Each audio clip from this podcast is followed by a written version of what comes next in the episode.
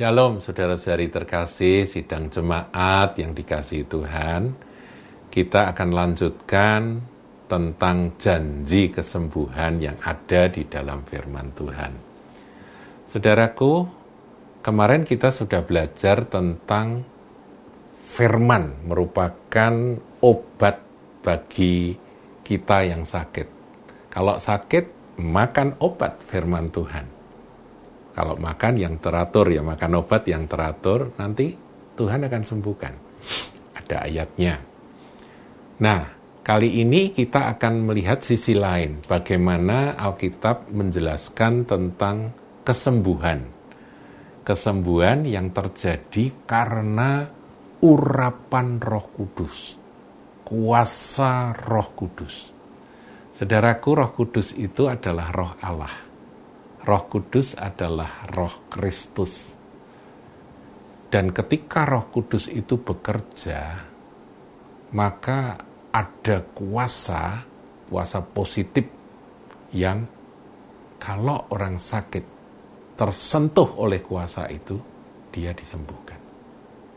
Nah, saudaraku, kita perlu mengerti ya, kita sudah belajar tentang pengurapan ya beberapa waktu yang lalu, bagaimana kuasa pengurapan itu bisa tersimpan sampai tulang Elisa yang ya jenazah Elisa sudah jadi tulang pun karena pengurapannya itu masih tersimpan, masih punya kuasa untuk membangkitkan orang mati, saudara.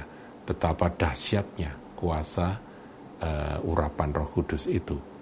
Nah, sekarang kalau misalnya kita sebagai orang Kristen kita menderita sakit, sarana kesembuhan bagi anak-anak Tuhan yang sakit itu salah satunya adalah pengurapan. Jadi kalau ada seorang hamba Tuhan dipakai roh kudus, dia diurapi dengan kuasa roh kudus, dan kuasa itu biasanya spesifik ya.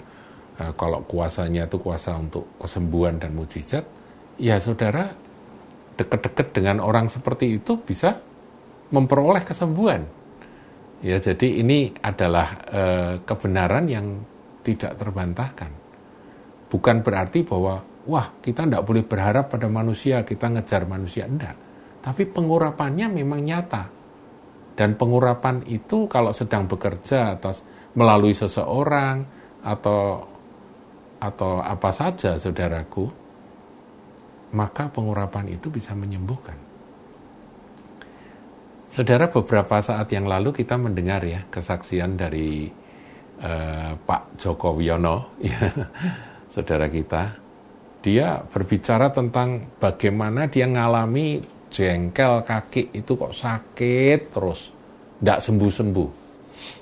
Orang bilang asam urat lah, sampai pincang-pincang. Padahal itu Pak Joko Wiono itu kalau saya dengar ceritanya, dulunya dia seorang pelari loh saudara pelari 100 meter. Ya waktu masih muda. Kok bisa sakit kakinya itu kan ya repot ya. Nah satu kali tiba-tiba kok roh kudus pimpin dia untuk masuk dalam pengalaman seperti yang disaksikan itu. Dia berdoa mengalirkan urapan dan dia merasakan tangannya panas kemudian urapan itu mengalir di kakinya dan sembuh saudaraku jadi kita ini dapat mempercayai akan kuasa urapan tersebut. Nah, saudara bisa berdoa, Tuhan, biar pengurapanmu bekerja menyembuhkan akan sakitku. Saudara bisa minta sama Tuhan akan pengalaman-pengalaman yang ajaib tersebut terjadi supaya kita sebagai anak-anak Tuhan mengalami apa yang tertulis dalam firman Tuhan yang adalah kebenaran ini. Kita lihat Lukas 6 ayat 19. Di situ dikatakan, saudaraku, dan semua orang banyak itu berusaha menjamah dia, menjamah Tuhan Yesus. Karena ada kuasa yang keluar daripadanya dan semua orang itu disembuhkannya. Wow, jadi pengurapan itu menyembuhkan dan itu seperti arus kuasa yang mengalir. Tuhan Yesus penuh dengan kuasa roh Allah, mengalir tenaga itu, kuasa itu keluar daripadanya, orang yang kena kuasa itu sakit apa pun disembuhkannya. Lagi, saudara, kita lihat ya ayat firman di dalam, nah ini kisah terkenal, saudara, tentang perempuan yang sakit pendarahan, ayat 30 dari Markus pasal 5. Pada ketika itu juga Yesus mengetahui bahwa ada tenaga, tenaga yang keluar dari dirinya, Lalu ia berpaling di tengah orang banyak dan bertanya siapa yang menjamah jubahku. Jadi perempuan itu menjamah jubah, jubah-jubah Tuhan itu dari belakang. Yang mengalir keluar apa saudaraku? Tenaga, urapan. Dan itu penyembuhkan. Seketika itu juga dikatakan dia merasa pendarahannya berhenti dan dia disembuhkan. Dan Tuhan Yesus pun juga merasakan akan aliran kuasa urapan yang dia sebut dengan tenaga yang keluar melalui jubahku itu. Siapa menjamah aku? Ah, murid-murid semua protes. Orang berdesak-desak semua megang Tuhan. Tapi ada satu orang yang memegang dengan sungguh-sungguh, dengan iman, dengan pengharapan. Asal ku jamah jubahnya, aku sembuh. Ini orang yang percaya akan kuasa urapan. Perempuan ini.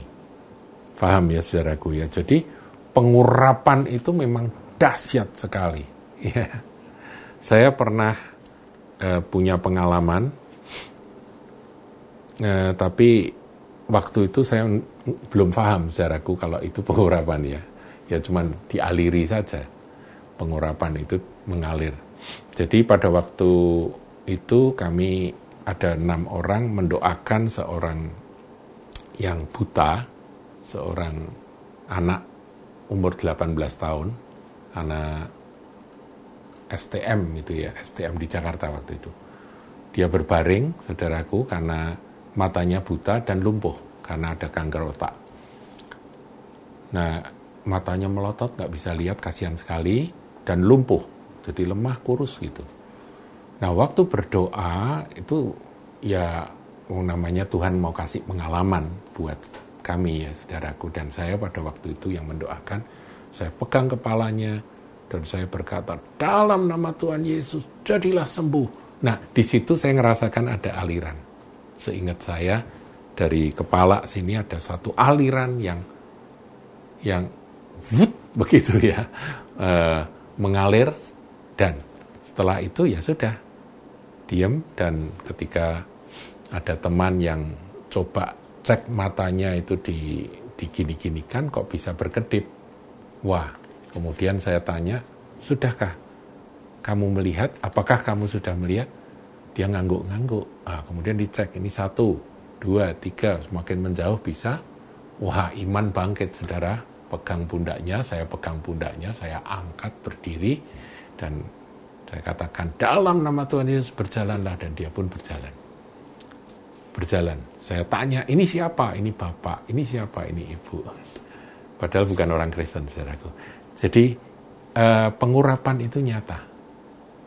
Masalahnya pengurapan itu kan satu satu substansi surgawi yang datang dari Roh Kudus, dari kuasa Roh Kudus.